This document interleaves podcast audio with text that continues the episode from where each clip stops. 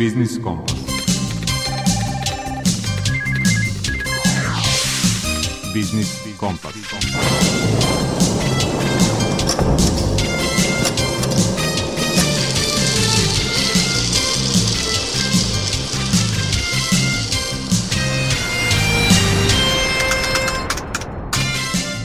Dobar dan, ja sam Eva Tomović i bit ću sa vama u današnjem Biznis Kompasu. Emisiju počinjamo rubrikom Aktuelno. Kako blockchain tehnologija može da se primeni u privredi, ali i administrativnim i drugim poslovima, bila je tema prvog blockchain biznis panela održanog u Privrednoj komori Vojvodine. Za Biznis Kompas zabeležila koleginica Milijana Kočić. Kakvu podršku imaju inovaciona preduzeća, ali šta bi trebalo poboljšati u toj oblasti za rubriku Iz mog ugla govori konsultant u Fondu za inovacionu delatnost Dušan Karan. O skupu posvećenom ženskom preduzetništvu koji je okupio 150 ženskih preduzeća čućete više u rubrici Svet preduzetništva. Inflacija je u posljednje vreme jedan od najčešćih pojmova koje čujemo, a jedna je od posljedica sa kojim se danas bore sve svetske ekonomije. Šta u stvari ona znači i kako uopšte utiče na nas, o tome u rubrici Predmet financije govori Miladin Mihajlović iz Narodne banke Srbije. Kako racionalno kupovati i prilagoditi kućni budžet u moru poskupljenja, savetuje nas Mladen Alfirović iz Udruženja za zaštitu potrošača Vojvodine.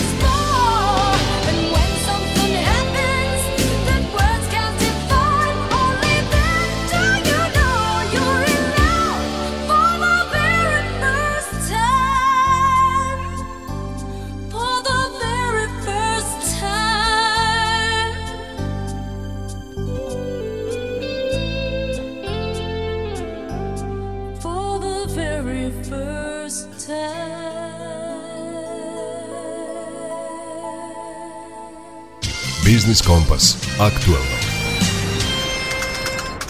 Mada takozvane blockchain tehnologije postoje već 12 godina, do sada su se uglavnom odnosile na investiranje u kriptovalute i bitcoine.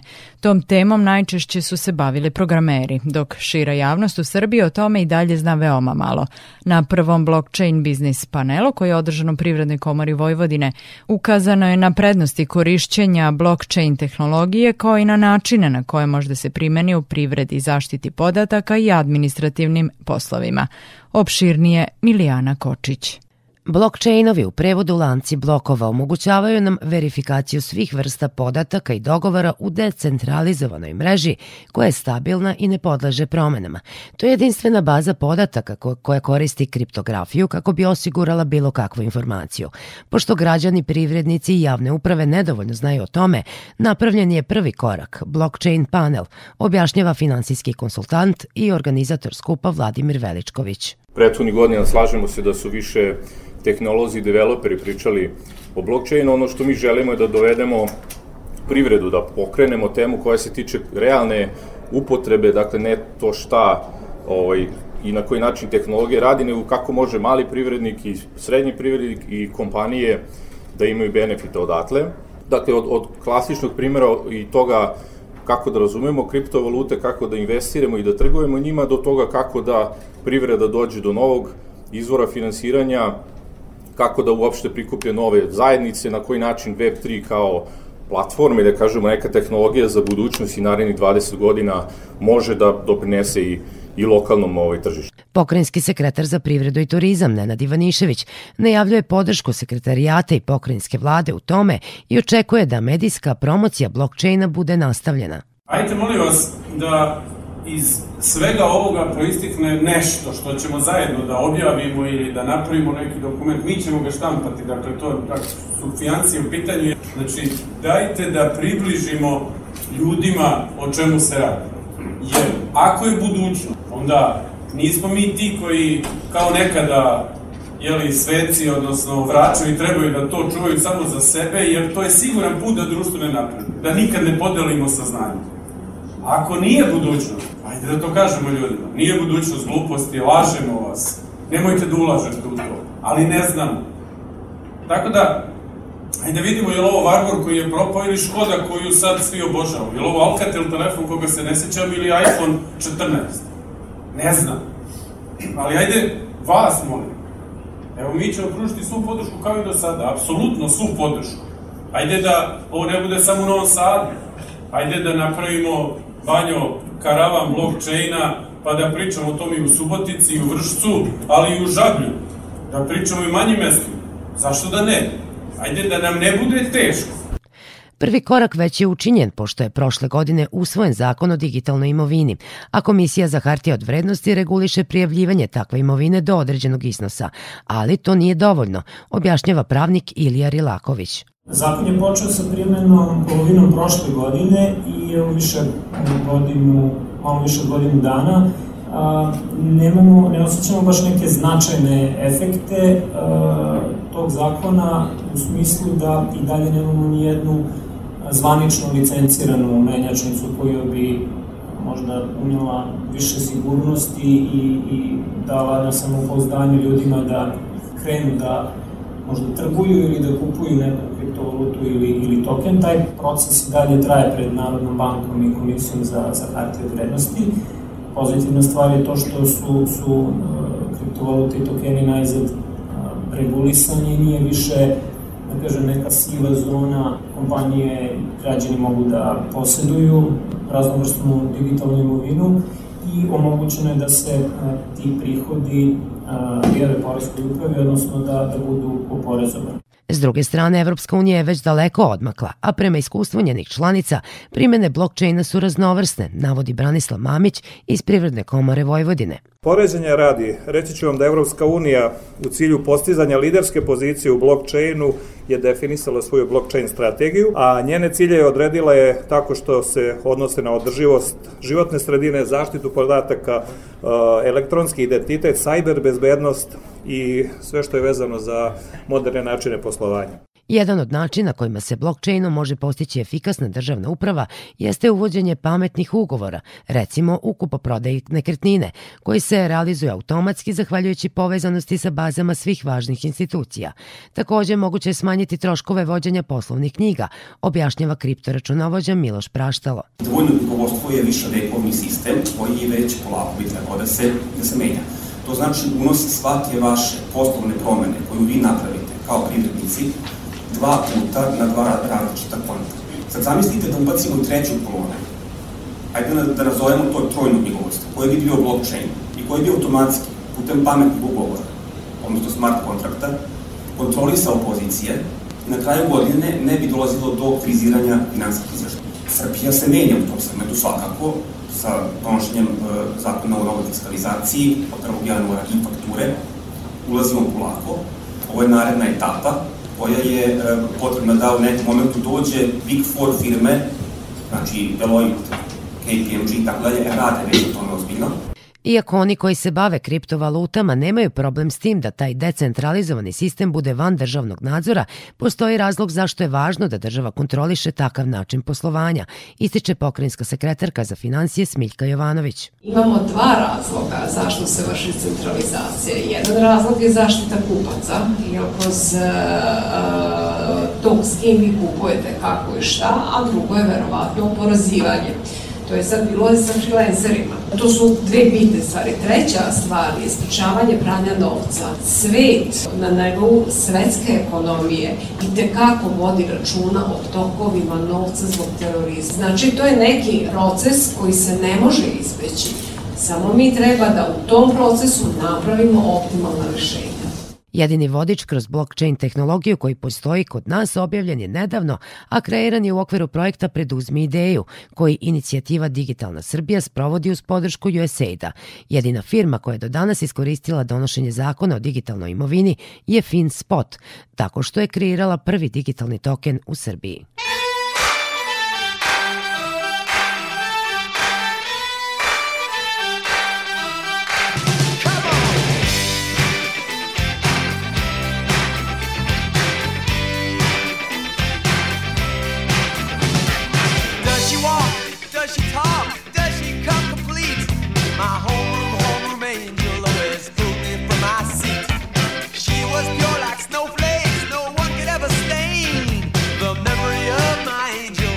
never caused pain. Years go by.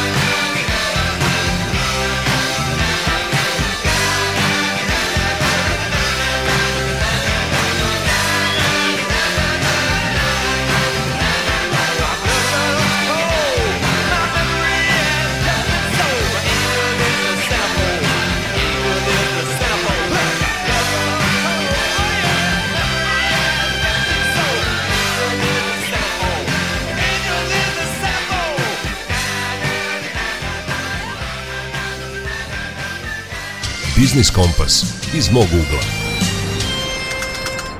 Srbija i njen inovacioni ekosistem zauzeli su 55. mesto na globalnom indeksu inovativnosti za ovu godinu od 132 države i naša zemlja je po inovacionim performansama lider u regionu.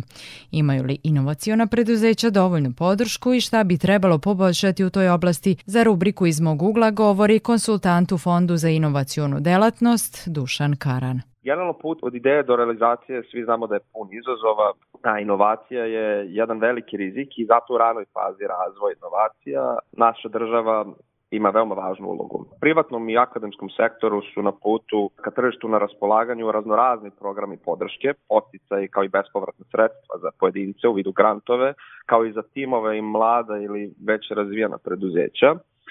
I kao takvo u već uređenom inovacionom ekosistemu kao državna institucija, Fond za inovacijonu delatnost od svog začetka od 2011. godine ima veoma važnu ulogu. Uh, unapređuje konstantno tehnološke, istraživačke, inovacijne kapacitete, kako privrede, tako da napomenemo i naučno-istraživačkih institucija. Uh, od početka naši programi su podržani sredstvima Evropske unije i nakon svoje pilot faze, zahvaljujući sredstvima iz nacionalnog budžeta kroz Ministarstvo prosvete, nauke i tehnološkog razvoja e, postali su stalno dostupni mehanizam podrške fonda. E, naši programi su stalno oslonac srpske privrede i podrška stvaranju inovacija, a jedan od naših glavnih ciljeva jeste jačanje saradnje između nauke i privrede.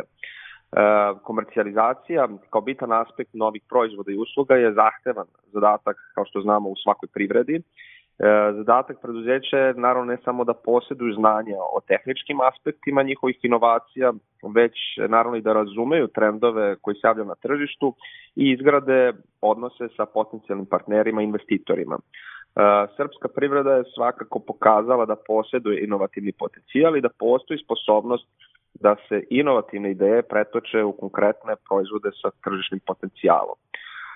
Kao dokaz da Srbija stvara inovacije potvrđeno je kroz programe Fonda za inovacijnu delatnost i interesovanje za naše programe je iz poziva u poziv, javnog poziva u poziv sve veće, a budžet za inovacije od 2017. godine izuzetno raste, tako da danas fond raspolaže značajnim sredstvima za podršku razvoja inovacija, a do sada je kroz sve programe i mehanizme podrške uloženo blizu negde oko 60 miliona eura, u više od 1400 inovativna projekta srpskih preduzeća, naravno, i sredstva koje ulažemo pomažu preduzećima da smanje rizik usled razvoja novih proizvoda i da ostvare opipljive poslovne rezultate i zaposle naravno nove stručne radnike. Što se tiče pratećih trendova, fond prilagođava svoje programe zahtevima privrede i potrebama akademske zajednice i u tom smislu kontinuirano napređuje postojeće i razvija nove mehanizme podrške tehnološkom razvoju i inovacijama. Gotovo svake godine privrede ili nauci su na raspolaganju novi mehanizmi i primjera radi to 2017. godine to su bili inovacioni voucheri, 2019. godine to je bio dokaz koncepta, a 2021. godine fond je pokrenuo i novi program akceleracije inovacija kao i program pametni početak. E, ove godine Srbija Ventures program je osnovan za osnivanje fondova preduzetničkog kapitala u Srbiji i to je to što se generalno tiče novina. A ono što trenutno je aktualno danas i dostupno jesu dva javna poziva fonda. Prvi je za učešće u programu akceleracije za starta preduzeća, Katapult, čiji je rok za dostavljanje prijava do 17. oktobra i kroz Katapult program akceleracije koji fond sprovodi u saradnji sa Svetskom bankom, preduzećima je na raspolaganju intenzivno tromesečno mentorstvo i dodela bespovratnih sredstava. Zatim, u okviru javnog poziva za program ranog razvoja i program sufinansiranja inovacija, Fond dodeljuje bespovratno sredstvo u iznosu od 80.000 do 300.000 eura po pojedinačnom projektu i rok za prijavu ova dva javna poziva 15. novembar. Svakako neophodna dokumentacija svih ovih programa za prijavu nalazi se na internet sajtu fonda. Prijava je izuzetno jednostavna i odvija se putem portala fonda. I ono što je bitno jeste da napomenemo jeste da sredstva za realizaciju ovih javnih poziva obezbeđena su zahvaljujući čvrstom partnerstvu Republike Srbije i Evropske unije. He's been a good friend of mine Lately something's changed, it ain't hard to define. Jesse's got himself a girl and I wanna make her mine. And she's watching him with those eyes. And she's loving with that body, I just know it. And he's holding her in his arms late, late at night. You know, I wish that I had Jesse's girl. I wish that I had Jesse's girl. Where can I find a woman like that? I'll play along with the charade. There doesn't seem to be a reason to change. You know, I feel so dirty when they start talking cute. I wanna tell her that I love her, but the point is probably moot. Cause she's watching him with those eyes. And she's loving him with that body, I just know it. And he's holding her in his arms late, late at night.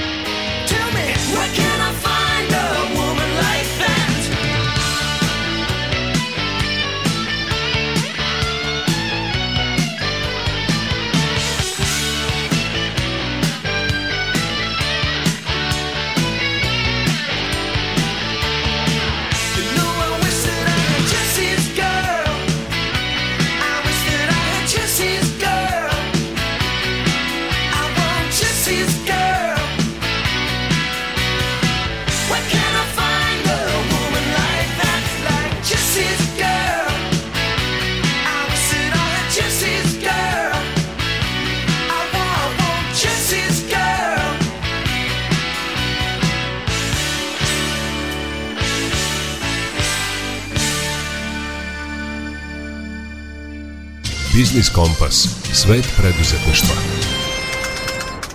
Aktuelna ekonomska kriza pokazala je da su ženska preduzeća otporna i da više ne igraju na sigurno, već biraju pametne poslovne strategije, ubrzano se digitalizuju i inoviraju, istakla je predsednica Udruženja poslovnih žena Srbija Sanja Popović-Pantić. Prema istraživanju koje smo sproveli krajem 21. godine, samo jedna firma je izjavila da će zatvoriti svoje preduzeće zbog negativnih efekata krize, dok su sve druge zapravo uspešno prošle kroz ove probleme. Dodaje da se osim u kvantitetu beleži znatno poboljšanje i u kvalitetu ženskih biznisa. Tako da je sve više ženskih biznisa u uslugama, ali u onim koje su zasnovane na znanju. Ne toliko više u ličnim uslugama poput kozmetičkih salona i slično, već se pomeraju ka sektorima koji su zasnovani na znanju, znači konsulting u oblasti financija, u oblasti bankarstva, inovacija, tehničkih, naučnih delatnosti, što zaista ohrabruje. Direktorka sekcije za žensko preduzetništvo u Privrednoj komori Srbije Branislava Simanić rekla je da komora intenzivno radi na unapređenju ženskog preduzetništva. Žensko preduzetništvo prepoznato je kao snažan resurs novog zapošljavanja i to je resurs koji treba iskoristiti na što bolji i kvalitetniji način. E, upravo iz tih razloga u okviru Privredne komore Srbije formirana je i sekcija za žensko preduzetništvo PKS-a koja ima za cilj ekonomsko osnaživanje žena. E, neke od aktivnosti su upravo organizovanje konferencija B2B sastanaka, pomoć pri izlasku na strane tržišta, pomoć pri izlasku na sajmove, pomoć pri uključivanju lance dobavljača i tako dalje. I e, istakla bih samo podatak da u Srbiji posluje oko 31% ženskih preduzeća. Mi ćemo u narednom periodu intenzivno raditi kako bi se ovaj broj povećao. Potpredsednica vlade Srbije i predsednica Koordinacijenog tela za rodnu ravnopravnost Zorana Mihajlović kaže da je žensko preduzetništvo važno ne samo za rodnu ravnopravnost, već za privredni razvoj države. Ukazala je da na tržištu rada ima još mnogo diskriminacije. Žensko preduzetništvo je snaga naše ekonomije. Istina je da ih ima samo 30%, to je tačno, ali to ne znači da ne možemo svi, dakle kao partneri, država da stvori uslove, privredna komora da radi onaj svoj deo koji je privredni, sa drugim partnerima da e, ženskog preduzetništva bude još više. Jedina stvar koja se u rodnoj ravnopravnosti traži od svih na celom svetu, a koja još uvek ni u jednoj zemlji nije uspela, a mora uspeti jednom, jeste da stvorimo jednake uslove za žene i za muškarce. I onog trenutka kada se to bude desilo, da li će to biti za vreme dok smo mi živjeli nekih drugih generacija, tada ćemo pričati o preduzetništvu jednakim uslovima i tada neće biti toliko muke i razmišljanja čega da se odreknete da biste mogli da se bavite onim što volite. Dvodnevni skup bio je prilika da se razgovara o temama važnim za žensko preduzetništvo, kao i da se postakne saradnja i umrežavanje žena preduzetnica na Zapadnom Balkanu.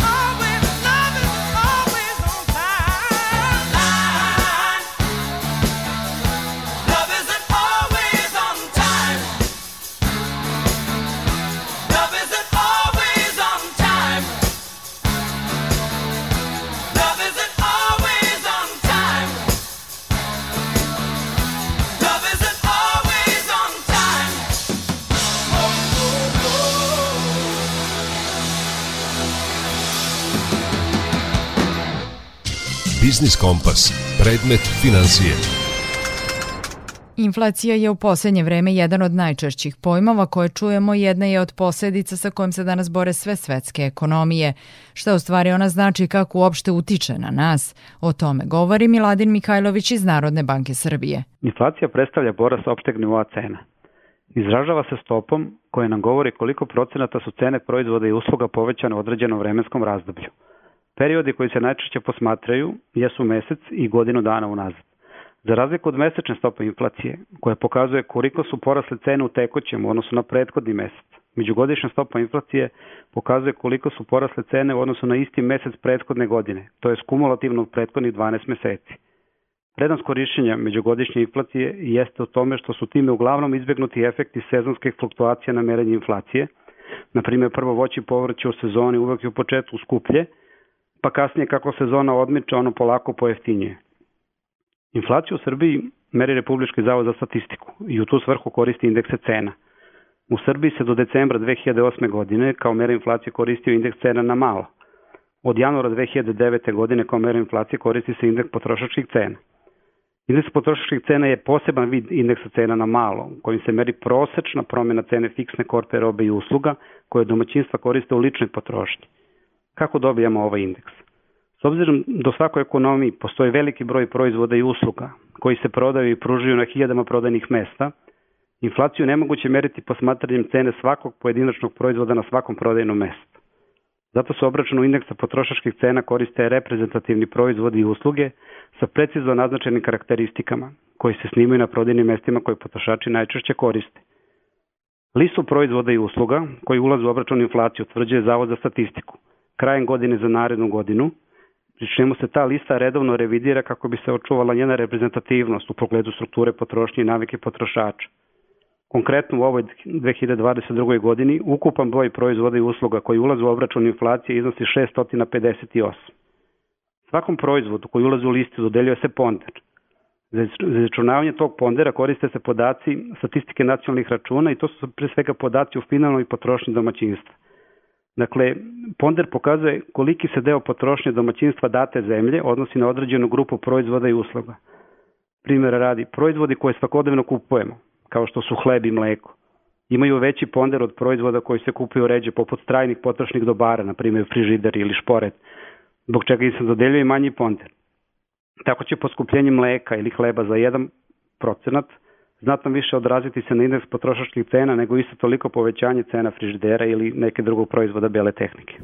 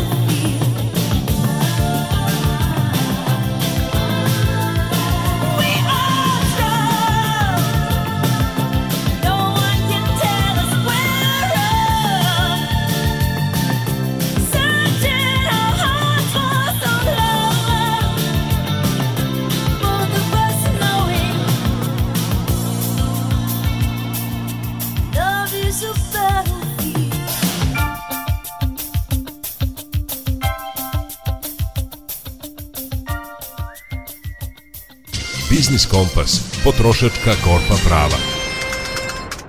Poskupljenje osnovnih životnih namirnica znatno utiče na kućni budžet građana. Kako racionalno kupovati i prilagoditi kućni budžet povećanju cena, o tome Mladen Alfirović iz Udruženja za zaštitu potrošača Vojvodine.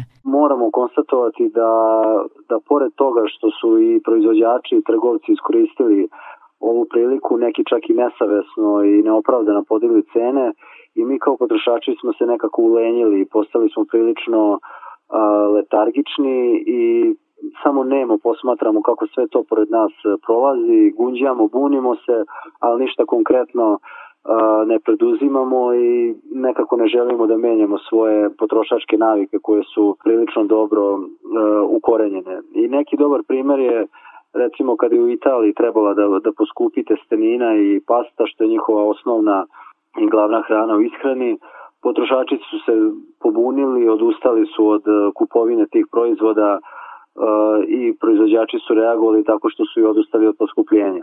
Ono što često radimo jeste da sebe poredimo sa velikim razvijenim evropskim tržištima, to e, i nije realno u nekom segmentu, budući da ako uzmemo za primjer Nemačku, Nemačka ima veliko tržište, konkurencija je velika i ogroman je obrt kapitala mi smo značajno manje tržište, značajna nam je manja konkurencija i ako imamo samo jednog uvoznika ili svega nekoliko njih, teško je takvog uvoznika naterati da snizi cene. Sve ovo što sam rekao ide negdje u prilog tome da potrošači moraju biti aktivniji da moraju svesno i planirano obavljati kupovinu, da moraju gledati šta kupuju, šta im je zaista potrebno, tražiti proizvode koji su na akciji, jer na nekim sajtovima gde, koji se bave upoređivanjem cena, uočili smo da su razlike u cenama od marketa do marketa, od mesta do mesta značajno velike, čak idu i do 50%. Dakle, prošlo je ono vreme kad nekako uljuljkani i ušuškani ulazimo u market i kupujemo impulsivno sve, sve što pomislimo, sve što nam se svidi, sve što nam privuče pažnju. Dakle, sad su došla neka potpuno drugačija vremena kad se kupovina mora obavljati planski i ono što je kažemo pametno. Dakle, treba proveravati cene, internet nam je svima na dohvat ruke i treba kupovati samo one proizvode koji su nam neophodni. Dakle, nije tu toliko bitna ni, ni politika, ni, ni vlada, ni mere, ni, ni ograničenja. Ako mi odlučimo da neki proizvod ne kupimo, da nam on nije potreban, ja, bilo da, da, da je razlog za to naglo povećana cena ili bilo koji drugi razlog, ako svi potrošači tako budu reagovali, svakako će doći do, do limita trajanja tog proizvoda i u takvoj situaciji i proizvođač i trgovac će ili da ga značajno snize a, zbog a, isteka roka trajanja ili će odustati od poskupljenja jer ne mogu da ga prodaju. To je osnovni zakon ponude i tražnje na osnovu kog funkcionišu sva sva razvijena tržišta i sve dok mi nemo gledamo kako sve prolazi pored nas i ne unosimo nikakvu promenu, neke cene će rasti potpuno neopravdano. Dakle, mi smo u više, u proteklih godinu dana od kad su krenula poskupljenja, u više analiza koje smo radili, došli do zaključka da su neke cene potpuno neopravdano podignute i da su neki proizvođači i trgovci pokušali da zloupotrebe celu ovu situaciju i da prosto zarade i da uh, nadomeste onu uh, veliku rupu u profitu koju su imali zbog uh, pandemije korone koja je trajala gotovo dve godine. Dakle, svi sad su nekako žele što brže da, da nadomeste te gubitke i nažalost sve se uh, svaljuje na, na leđe običnog potrošača, a mi to nekako nemo posmatramo i ne, ne želimo da, da menjamo svoje potrošačke navike. Dakle, kao što sam rekao na početku, negde je apel na potrošače da uh, promene svoje navike, da kupovinu obavljaju pametno, da upoređuju cene i da ako neki proizvod za koji oni smatraju da je neopravdano poskupeo, da pokušaju da se uzdrže od kupovine tog proizvoda i da pokušaju da pronađu neke alternative. Dakle, moramo i mi kao potrošači imati odgovor adekvatan za sve ovo što, što se događa.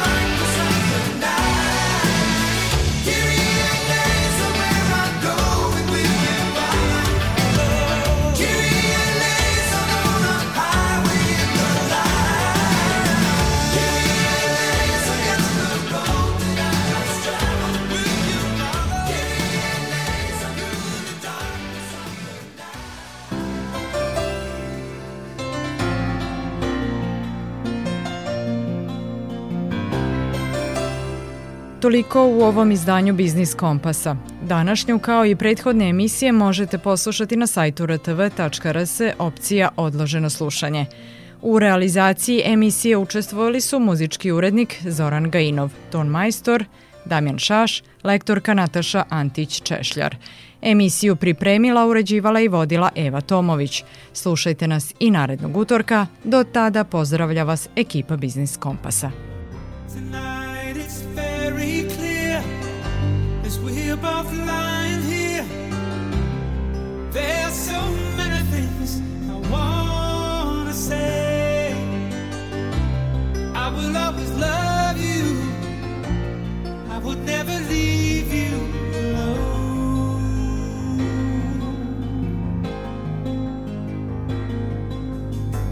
Sometimes I just forget, say things I breaks my heart to see.